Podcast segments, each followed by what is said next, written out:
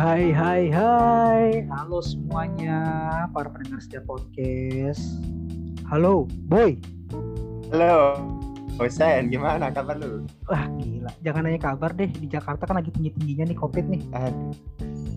Iya bener banget. Terus gimana? Aman kan tapi? Aman Sehat ya? sih. Wah sehat dong. Covid tuh jauh-jauh dari saya lah. Jangan mendekat Sabang banget Oke Oke, Gimana nih? eh, Kita mau kali- ngapain nih sekarang nih? Kali ini kan eh, Teman-teman kan pasti pada bosen ya kan Hmm. Spasial kontennya infografis Dulu atau nggak video propaganda asik Propaganda Hmm. gitu Eh, Jadi kali ini tuh spasial Kaca mulu Hmm, kalian tuh spasial terjun ke dunia yang jauh, ya nggak jauh sih, maksudnya be- berbeda lah. Kali ini kita terjun ke media lain, itu dalam bentuk podcast, gitu teman-teman.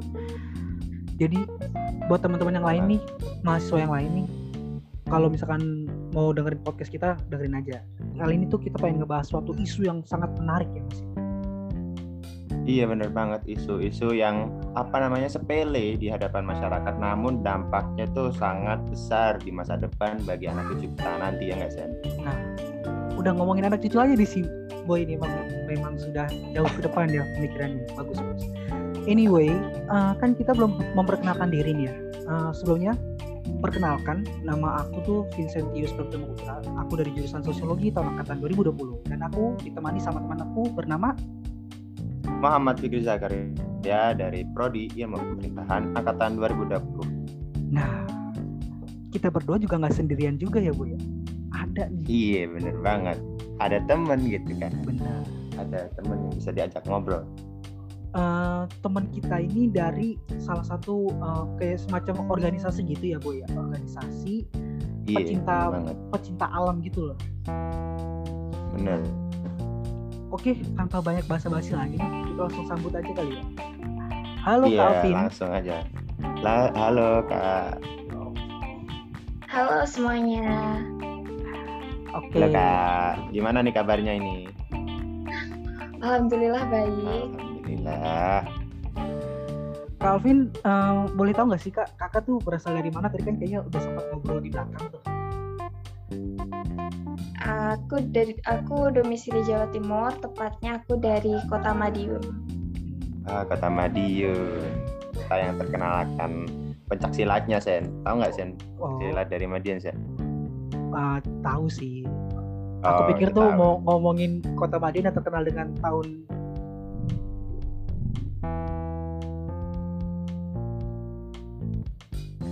Waduh, Oh.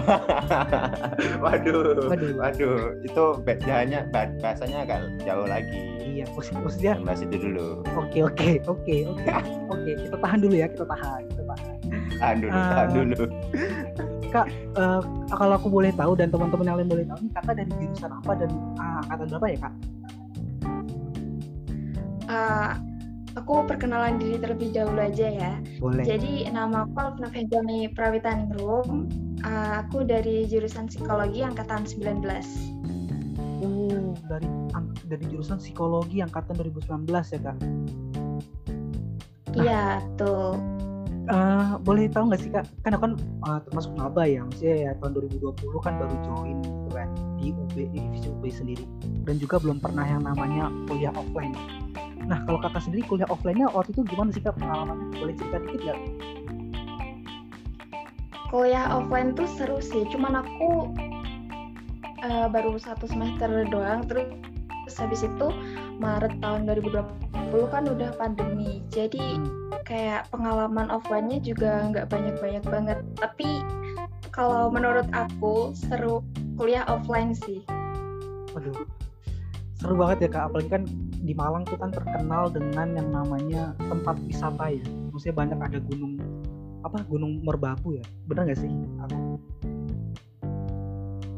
Em, ya Bromo itu hmm. Nah, juga kakak kan salah satu tergabung dari komunitas pecinta alam gitu ya. iya betul. Kakak pernah naik gunung nggak sih kak? alam. Eh, kebetulan nggak pernah. Hmm.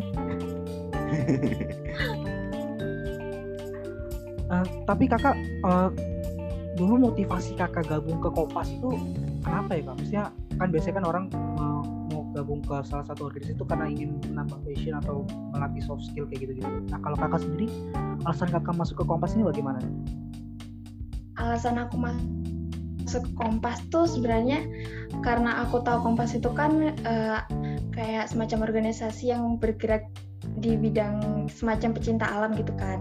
Nah, aku itu ingin punya pengalaman pendakian gitu loh. Kan kalau di Kompas itu kan banyak teman-teman yang udah ada pengalaman daki tuh. Nah, aku tertariknya di situ sebenarnya waktu uh, mau masuk Kompas. Selain itu juga ingin memperluas apa uh, relasi juga gitu. Seru banget ya apalagi kan. Seru banget sih apalagi kalau misalkan ini belum bukan kondisi pandemi ya kita kan bisa uh, have fun bareng tuh main-main kan? gitu kan. Nah bener banget. Iya bener banget. Ngomong-ngomong soal alam nih ya waduh. Alam kita kan sangat bagus dan indah tapi sayang banget nih alam kita dirusak oleh tangan-tangan yang sangat sembrono kalau bisa dibilang. Nanti tidak bertanggung jawab ya mas. Nah bener. Ini aku ngambil salah satu data nih kan dari salah satu website indonesia.go.id. Nah, ini salah satu website resmi pasti milik pemerintah. Kan? Di sini tercatat uh, mengatakan bahwa Kementerian Lingkungan Hidup dan Kehutanan atau KLHK mengakui bahwa pada 2020 total produksi sampah nasional telah mencapai 67,8 juta ton. Wadadadadadau, wadrigidau. Banyak banget, sumpah. Cuma ganti kita dari lagi 67,8 juta ton. Kalau jadi kolam renang itu luas Aduh. kalau dirubah kolam renang? Enggak maksudnya kalau dirubah volumenya ataupun uh, luas itu kan pasti luas banget yeah. kan. Bayangin dah ini sampah kolam renang lagi sih. Ini sampah reklamasi sen. Reklamasi. Reklamasi waduh. Jakarta waduh. Waduh boy bercandaan anda sangat berbahaya sekali ya. Ah, uh, sangat berbahaya. ini bisa ini kalau mengenai sampah ini kan menurut kakak sendiri tuh uh, kenapa sih kita uh, gimana ya menang, menanggapi perihal penggunaan sampah yang berlebihan kayak gitu, Pak? Boleh minta pandangan nggak kak? Oke, jadi uh, seperti yang kita tahu juga ya, kayak sampah plastik itu kan uh, memerlukan waktu penguraian yang cukup lama, bahkan hingga ratusan tahun untuk dapat terurai gitu kan. Iya. Nah, kita bisa sudah lihat sendiri jika sekarang ini jumlah limbah plastik sudah menjadi salah satu ancaman yang dapat dikatakan cukup serius juga kan bagi uh, sebagai penyebab kerusakan ekosistem. Apalagi tadi yang udah dibilangin kalau jumlahnya itu 67,8 juta ton kan dan itu bukan jumlah yang sedikit untuk iya. uh, limbah plastik gitu. Itu baik banget sih kak. Apalagi Indonesia juga ya termasuk uh, penyumbang sampah terbesar juga kan. Nah uh, kayak contoh kasusnya tuh di laut kan banyak banget sampah plastik yang akhirnya merusak estetika pantai terus biasanya tuh uh, apa ditemukan ikan-ikan yang waktu dibelah perutnya itu juga isinya limbah plastik gitu loh. Terus di dasar laut juga uh, terdapat limbah plastik. Nah mungkin dari kalian sendiri juga pernah dengar kan, pernah dengar atau pernah baca artikel tentang itu. Terus uh, di dalam masyarakat sendiri, bahkan aku sendiri sih sebenarnya itu hmm. juga pernah gitu memakai plastik sekali pakai. Hmm. Memang sih kalau dari segi ekonomis ya, plastik sekali pakai itu terbilang lebih murah dan pemakaiannya terbilang praktis, sehingga orang-orang yang akhirnya apa orang-orang itu banyak memilih plastik sekali pakai untuk memudahkan aktivitas mereka. Namun uh, tugas kita sih sebagai kaula muda uh, agar sadar terhadap kerusakan lingkungan uh, dengan men menerapkan tindakan-tindakan sederhana untuk dapat mengurangi dampaknya seperti itu. Karena jika bukan kita sebagai kaula muda yang uh, melek teknologi yang selalu up to date tentang perkembangan informasi seperti ini ya siapa lagi gitu ya kan. Nah, kita harusnya uh, menjadi iya, lebih tergugah lagi gitu untuk Setuju. lebih peduli dengan kondisi alam gitu. Setuju banget sih. uh, pendapat dari Kak Alvina terkait dengan penggunaan sampah plastik yang apa namanya mengotori gitu ya Sin ya? Mengotori iya, dan juga kayak menumpuk sehingga menjadikan limbah dan juga berdampak pada lingkungan baik itu darat laut maupun udara seperti itu. Uh, nah terkait dengan pembahasan kaula muda nih Nadi udah disinggung sama Kak Alfi. Nah uh, aku ingin nanya nih kepada kakak uh, kenapa sih masyarakat khususnya sebagai kaum kaula muda dari kita sendiri gitu kan harus peduli terhadap lingkungan terutama pada dinamika penggunaan sampah plastik sekali pakai? Uh, mungkin silahkan pendapat dari kakak mungkin kenapa gitu Ya, seperti yang udah aku singgung sebelumnya ya, karena kita tuh sebagai kaula muda yang notabene itu lebih apa up to date gitu loh uh, tentang informasi-informasi mengenai kerusakan lingkungan seperti ini. Jadi tugas kita itu uh, untuk apa lebih sadar, lebih sadar untuk menjaga lingkungan seperti itu. Apalagi kasus seperti ini kan juga udah apa ya krusial banget gitu loh dan udah apa menjadi momok yang paling serius terutama di masa pandemi ini. Seperti itu. Benar banget sih kak. Uh, apalagi kan kita kan kalau misalkan mau beli apa pun itu kan pasti pakai plastik ya. Kita ke Alfamart atau ke Indomart eh nyebut merek ini nggak apa-apa ya? Ya tahu podcast kita disponsorin ya kan? Ya pokoknya kalau kita pergi ke supermarket gitu kan pasti dapat sampah. Eh dapat plastik sorry. Saya ralat dapat plastik bukan dapat sampah dapat plastik. Nah kita beli batagor dapat plastik, plastik. ya kan bungkusnya plastik. Tapi ada satu nih boy kita beli sesuatu tapi dapat plastik. Apa tuh? Beli saham. Apa tuh? Iya. Coba Iya, kalau beli saham mah kita dapat uang, bukan dapat plastik, saya. Benar. Mana ada beli saham dapat plastik, ya kan? Ya, siapa tahu gitu kan iya. beli saham, sahamnya di dalam. Iya. Next daripada daripada berkepanjangan. Terlalu jauh, iya jadi uh, apa yang aku tangkap dari Kak Alfi ya, berarti kita itu sebagai kaum muda kan sadar gitu harus sadar lebih sadar lagi karena apa ya semua lingkup kehidupan itu tidak terlepas gitu dari plastik apalagi plastik sekali pakai gitu dan maka dari itu sebagai kaum muda kita harus menggerakkan uh, jiwa-jiwa muda kita untuk menyadari bahwa lingkungan itu sedang tidak baik-baik saja dan akhirnya kita akan memakai plastik yang uh, minimal tidak sekali pakai seperti itu dan ya kak juga kakak Alvina ya Iya betul okay. banget seperti itu. Oke, okay, mungkin dari kakak nih, uh, mungkin cara-cara gitu yang uh, efektif yang kita lakukan sebagai penggerak untuk dapat lebih adaptif dalam permasalahan sampah sekali plastik sekali pakai. Maksudnya itu kayak solusi-solusi gitu yang ingin kakak sampaikan gitu kepada kaula muda agar lebih efektif gitu dalam pemakaian sekali apa plastik sekali pakai. Silakan ya. Oke, okay. uh, eh, sebagai penggerak tentunya kita uh, mesti membiasakan diri terlebih dahulu ya, mulai dari hal-hal kecil seperti pengalihan penggunaan plastik sekali pakai ke barang-barang yang aman digunakan berulang kali. Langkah pertama yang perlu dilakukan tentunya ya adalah dengan mengurangi penggunaannya ya kan.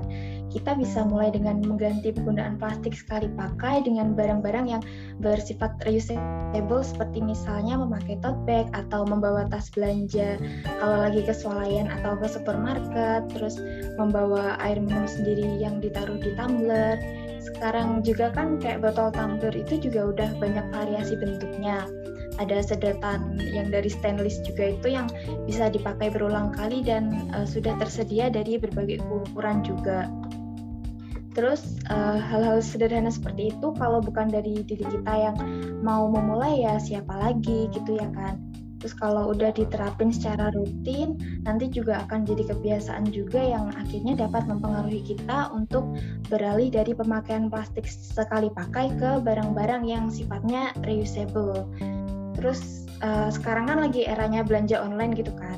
Nah, seller bisa menyiasati nih tentang packaging produknya mereka dari yang awalnya dibungkus pakai plastik bisa diganti juga uh, ke dialihin memakai tote bag sekarang kan tote bag juga udah tersedia dari berbagai ukuran tuh. Iya, Selain juga dari seller, bisa menarik minat konsumen juga nih deh, kalau packagingnya bagus, terus pakai embel-embel eco-friendly gitu kan. Lalu biasanya uh, untuk pengemasan bubble wrap gitu kan uh, digunakan buat pelindung produk dari guncangan selama proses pengiriman kan. Yeah. Nah itu mungkin bisa diganti menggunakan shredded paper atau robekan kertas itu tahu kan? Ya tahu tahu kak. Tahu. Yang biasanya ditaruh di dalam kardus iya, karton. Ya benar-benar. Nah, oh iya iya tahu tahu. Ya sebagai ya, kertas yang... ditumpuk agar tidak mencederai atau merusak barang yang di dalamnya gitu kan ya kak? Iya betul betul kayak gitu. Nah tapi kita juga jangan sepenuhnya memusuhi plastik gitu loh. Karena dulu itu plastik memang diciptakan untuk menunjang keselamatan lingkungan juga sih sebenarnya. Yeah. jadi uh, penggunaan plastik itu mungkin akan tetap berlanjut. Tapi yang paling penting harus diperhatikan lagi adalah mengenai porsi dan fungsinya yang tepat guna. Seperti itu. Aduh pendapatnya yang sangat luar biasa sekali penjelasan yang sangat iya, komprehensif ya, ya Boy ya. Ya, kan komprehensif. Mm, uh, mengenai penggunaan plastik juga kan memang terkadang tuh kita bingung juga ya. Orang tuh ke Alfamart, aduh, ya pokoknya ke supermarket lah ya intinya. Oh, iya bener keceplosan lagi. Pokoknya, pokoknya ke supermarket gitu kan. Biasanya tuh kita kan biasa dimanjakan ya, selain dimanjakan kalau kita ke supermarket nanti kita pulang pasti dapat plastik kan. Jadi kita nggak usah repot-repot iya. lagi bawa tote bag lah atau bawa iya. tas dari rumah atau apa pun itu kan. Nah sekarang tuh kita udah mulai dibiasakan kalau ke supermarket tuh harus bawa tas sendiri dari rumah. Sendiri. Tapi dengar memang di sekitar Jabodetabek itu udah mulai digalakkan gitu ya, atau digencarkan dengan cara kita membawa tas sendiri ya. Katanya iya. di supermarket gitu udah jarang gitu plastik uh, sekali pakai gitu atau kresek gitu ya. Iya. Buat bahan apa? Bawaan barang belanjaan ya guys. Iya benar. Misalnya uh, Jakarta nih kalau di Jakarta sendiri ya ini aku cerita dikit ya kalau di Jakarta sendiri itu memang kayak gitu uh, apa penggunaan plastik di, di supermarket itu memang tidak ada hmm. Akan tetapi kan di warung-warung pakai sedotan sedotan plastik. Mohon maaf pemerintah. Di, di warteg di mana pun itu kan juga pasti ada plastik kan. Kenapa itu tidak dilarang yeah. juga? Kan mestinya kan ya memang sih kita ke supermarket bawa tote bag atau apa tapi kan lain kan masih bisa menggunakan plastik gitu. Jadi ya sama aja ya bukan sama aja sih tapi ya uh, uh, jadi ujungnya kayak ya sia-sia gitu ya, maksudnya maksudnya engkau mungkin bisa menyeluruh gitu ya kebijakannya nah. itu nggak dari supermarket aja gitu atau yeah. waralaba-waralaba besar gitu kan di mall gitu. hmm. gitu misal di warteg juga harus diterapkan gitu kan yeah, jadi uh, penggunaan pengurangan penggunaan sampah plastik sekali pakai itu lebih masif lagi istilahnya bisa mereduce atau mengurangi banyak sekali uh, sampah gitu yang dihasilkan setiap harinya gitu ya Sen ya? Benar banget bu. Oke. Mungkin aku uh, tanya lagi pendapat dari kakak nih. Uh, langkah apa sih yang cepat yang harus diambil dalam kondisi yang sudah semakin marak dan masyarakat sudah menghirau tidak menghiraukan lagi akan dampak penggunaan plastik sekali pakai ini kak? Menurut kakak apa nih kira-kira solusinya gitu?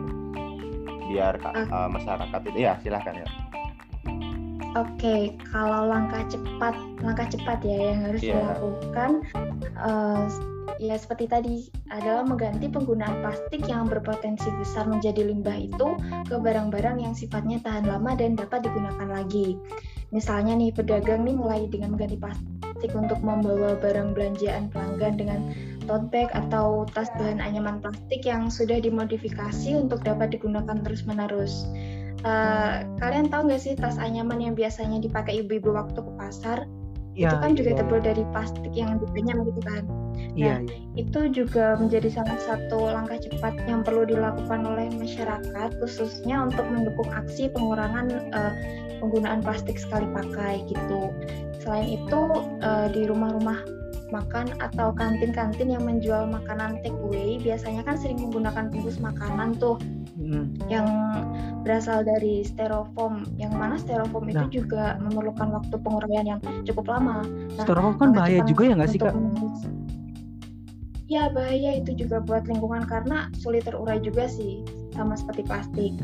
Nah langkah cepat untuk menyiasati ini adalah dengan mengganti wadah kemasan ke dalam kardus dari kertas karton yang mudah terurai atau bisa juga dengan kita membawa wadah sendiri dari rumah atau menyiapkan perlengkapan makan sendirilah dari rumah seperti itu.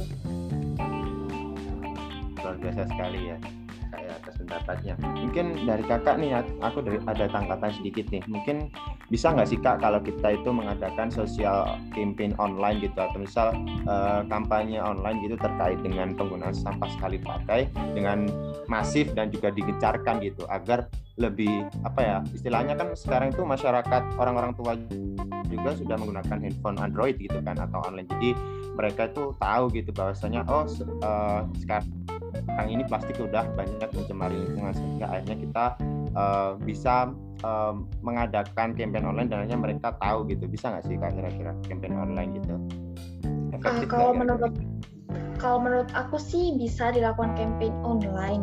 Cuman kalau untuk efektif atau enggaknya itu aku kurang yakin sih. Soalnya biasanya orang itu kalau apa lihat lihat apa scroll itu biasanya cuma dilihat sekilas aja habis itu udah tapi yang namanya usaha ya kan kan nggak ada yang tahu iya. biasanya ada juga yang tergerak hatinya ada yang enggak gitu tapi kan harapannya dari kita sendiri kalau dilakukan campaign online itu, itu kan untuk uh, membangkitkan semangat mereka lagi gitu kan untuk menyadarkan tentang bahaya penggunaan plastik seperti itu.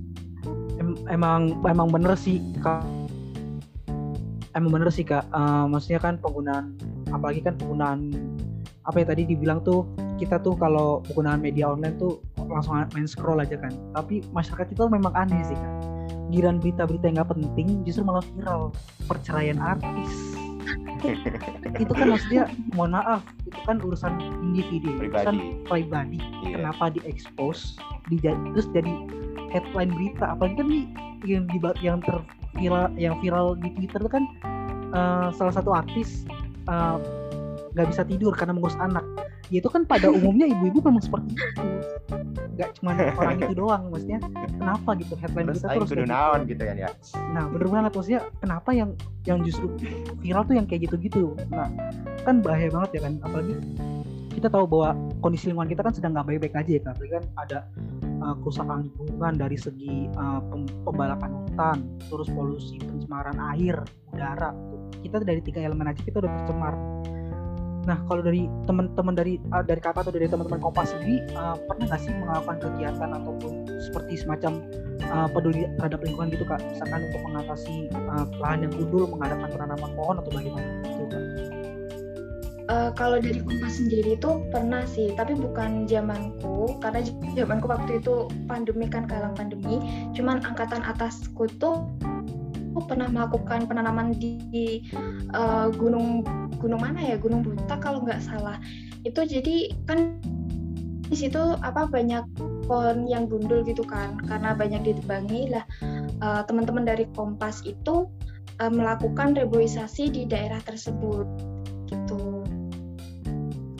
Oh, berarti mengadakan kayak semacam reboisasi gitu ya kak? Ya seenggaknya tuh menyelamatkan ya, bumi kita ya. Dan terkadang tuh ini yang harusnya sebenarnya sih yang harus diviralkan ya. Misalnya kan kita ini sebagai generasi muda, generasi milenial tuh uh, hal-hal yang semacam ini justru yang harusnya viral gitu.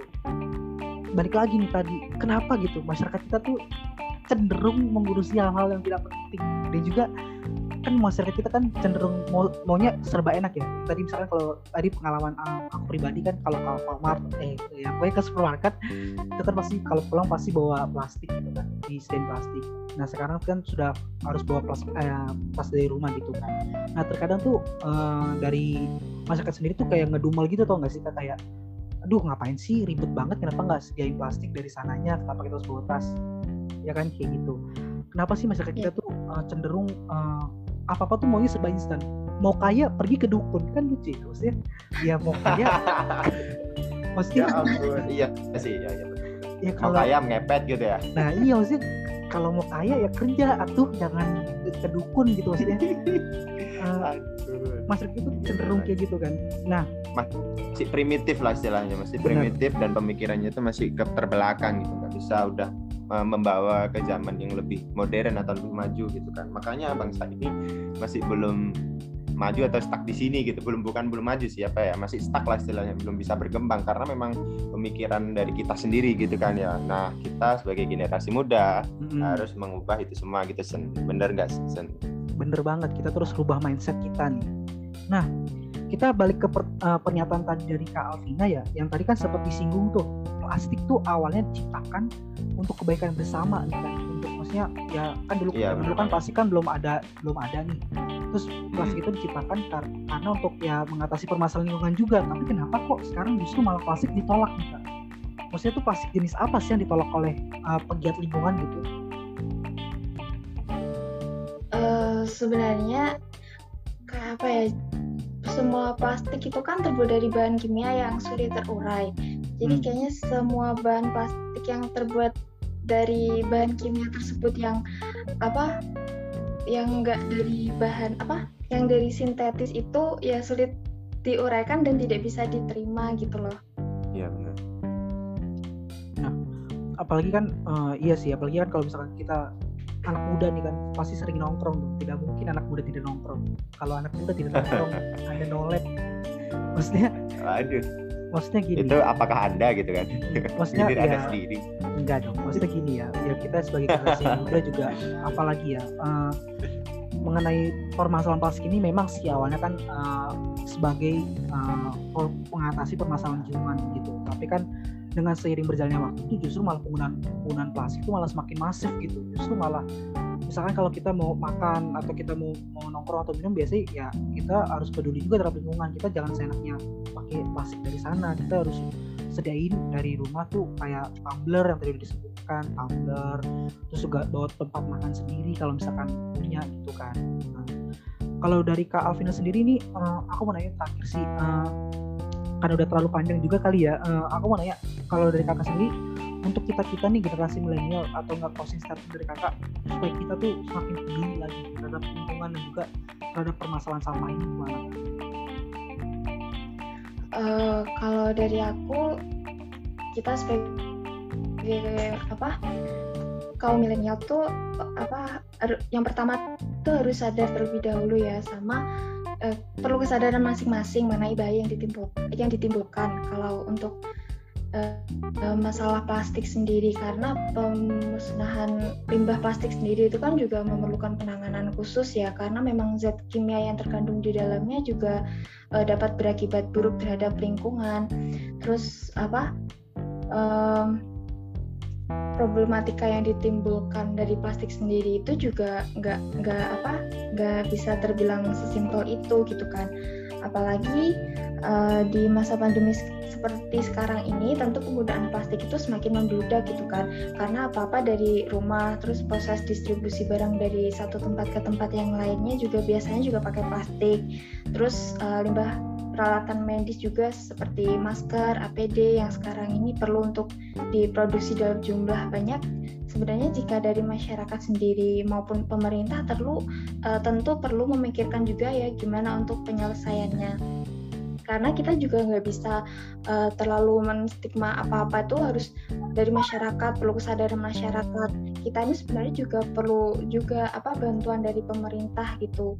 Untuk sama-sama sadar mengenai bahaya bahaya apa uh, plastik gitu. Terus terus uh, bisa dengan menyediakan fasilitas seperti uh, yang sekiranya dapat menunjang kesadaran untuk membuang sampah lah paling nggak membuang sampah pada tempatnya terus bagaimana cara pengolahannya serta hal-hal lain yang sama sama-sama menjadi PR kita sebenarnya sebagai individu untuk berusaha menjaga kelestarian alam gitu. Hmm, bener banget sih. Uh, tadi bener banget sih uh, jadi untuk teman-teman semua sih harus peduli banget nih terhadap lingkungan. Apalagi kan ini nah, kalau kita ngebahas banget. mengenai lingkungan itu kan sifatnya jangka panjang ya boy. Jadi bukan jangka panjang. bukan, bukan jangka tahun, pendek lagi. Ya, bukan satu tahun dua tahun gitu. Jadi ya bisa 10 tahun 20 tahun ke depan 30 tahun ke depan Nah, sekarang aja udah terasa dampaknya gitu ya nggak sih? Kayak sih? pemanasan global, hmm. iklim semakin panas gitu kan ya. Jadi efek rumah kaca gitu-gitu kan karena yang dihasilkan dari manusia pada zaman lalu gitu kan kayak limbah-limbah atau polusi udara gitu akhirnya menyebabkan lapisan ozon rusak gitu misalnya gitu ya. Nah, untuk teman-teman mahasiswa fisip nih masyarakat fisip khususnya apalagi yang berada di domisili Malang ya kan Malang Malang hmm, bener banget Malang. di Malang Malang. Malang Raya dan sekitarnya deh pokoknya sekitarnya ya bener dari Kementerian Sosial dan Lingkungan uh, BEM Fisip UB menyediakan suatu fasilitas atau wadah buat teman-teman yang sekiranya sudah ada sampah di rumah dan bingung nih, Duh, saya mau saya mau peduli terhadap lingkungan tapi saya masih ada sampah di rumah. Nah, teman-teman semua jangan khawatir Kementerian Sosial Lingkungan dan Visip UB menyediakan suatu wadah yang di mana sampah itu bisa dikumpulkan menjadi satu nanti dikasih ke kita karena di kita tuh Betul. ada yang namanya program kerja yang namanya apa boy? Beasiswa sampah jingga. Nah kan dari sesuatu yang tidak bermanfaat siapa tahu menjadi sesuatu yang bermanfaat gitu kita balik bener banget iya jadi buat teman-teman semua lagi sampah-sampahnya yang enggak mm -hmm. apa yang enggak berguna gitu ya sebenarnya waduh jangan yang enggak berguna uh, apa ya oh eh, kalau nggak berguna tuh Gimana tuh? kesannya kayak sampah masyarakat ya sih ya.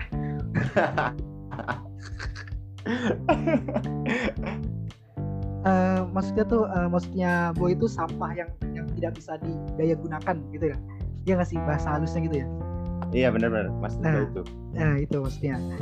Nah jadi buat teman-teman yang punya sampah di rumah nih atau punya ya khususnya di da- daerah domisili di Malang dan sekitarnya tuh bisa banget nih kumpulin ke salah satu uh, kontak person yang tertera di poster beasiswa sampah jingga nih teman-teman. Jadi untuk teman-teman sendiri nanti sistematikanya ataupun sistematisnya dalam penjemputan uh, penjemputan sampah itu jadi nanti teman-teman menghubungi kontak person yang tertera pada poster.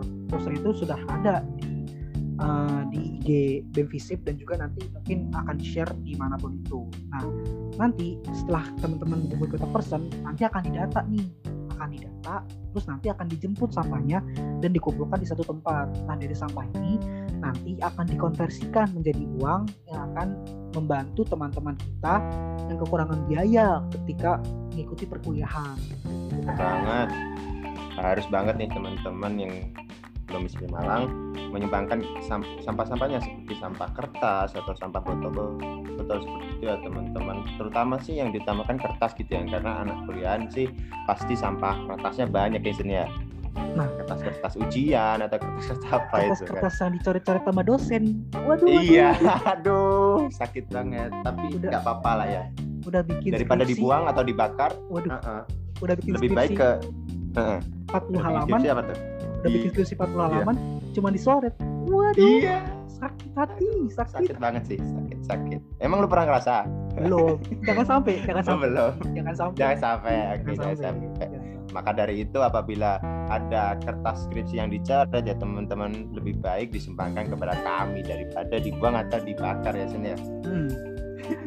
Apalagi kan kalau dibakar pasti kan menimbulkan polusi udara lagi tuh masalah Ah. lagi ya apa kan? Kalau dibuang, iya benar kalau dibuang justru lingkungan kita makin rusak lagi kan? masih yang lagi numpuk-numpuk ya kan hmm, mendingan dikumpulin ke kita gitu kan Oke. iya in the way by the way eh, untuk Kak Alvina makasih banget ya Kak udah terima kasih kak Oke, Bincang- makasih juga.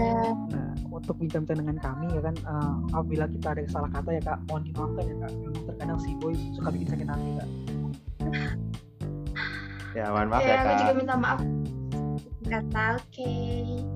Nah, terima kasih kak atas partisipasinya dan pendapatnya di di podcast spasial ini Nah, untuk teman-teman juga kita mau ngucapin selamat hari tanpa sampah plastik sedunia. sedunia Hmm. pada tang- pada hari dan Yang pasti pada tanggal berapa? 3 Juli teman-teman. iya benar Juli banget tahun 2021. Nah, teman-teman semua, saya Vincent Kiswatama Putra dan teman saya Muhammad Fikri Zakar ya pamit Mohon undur izin. diri.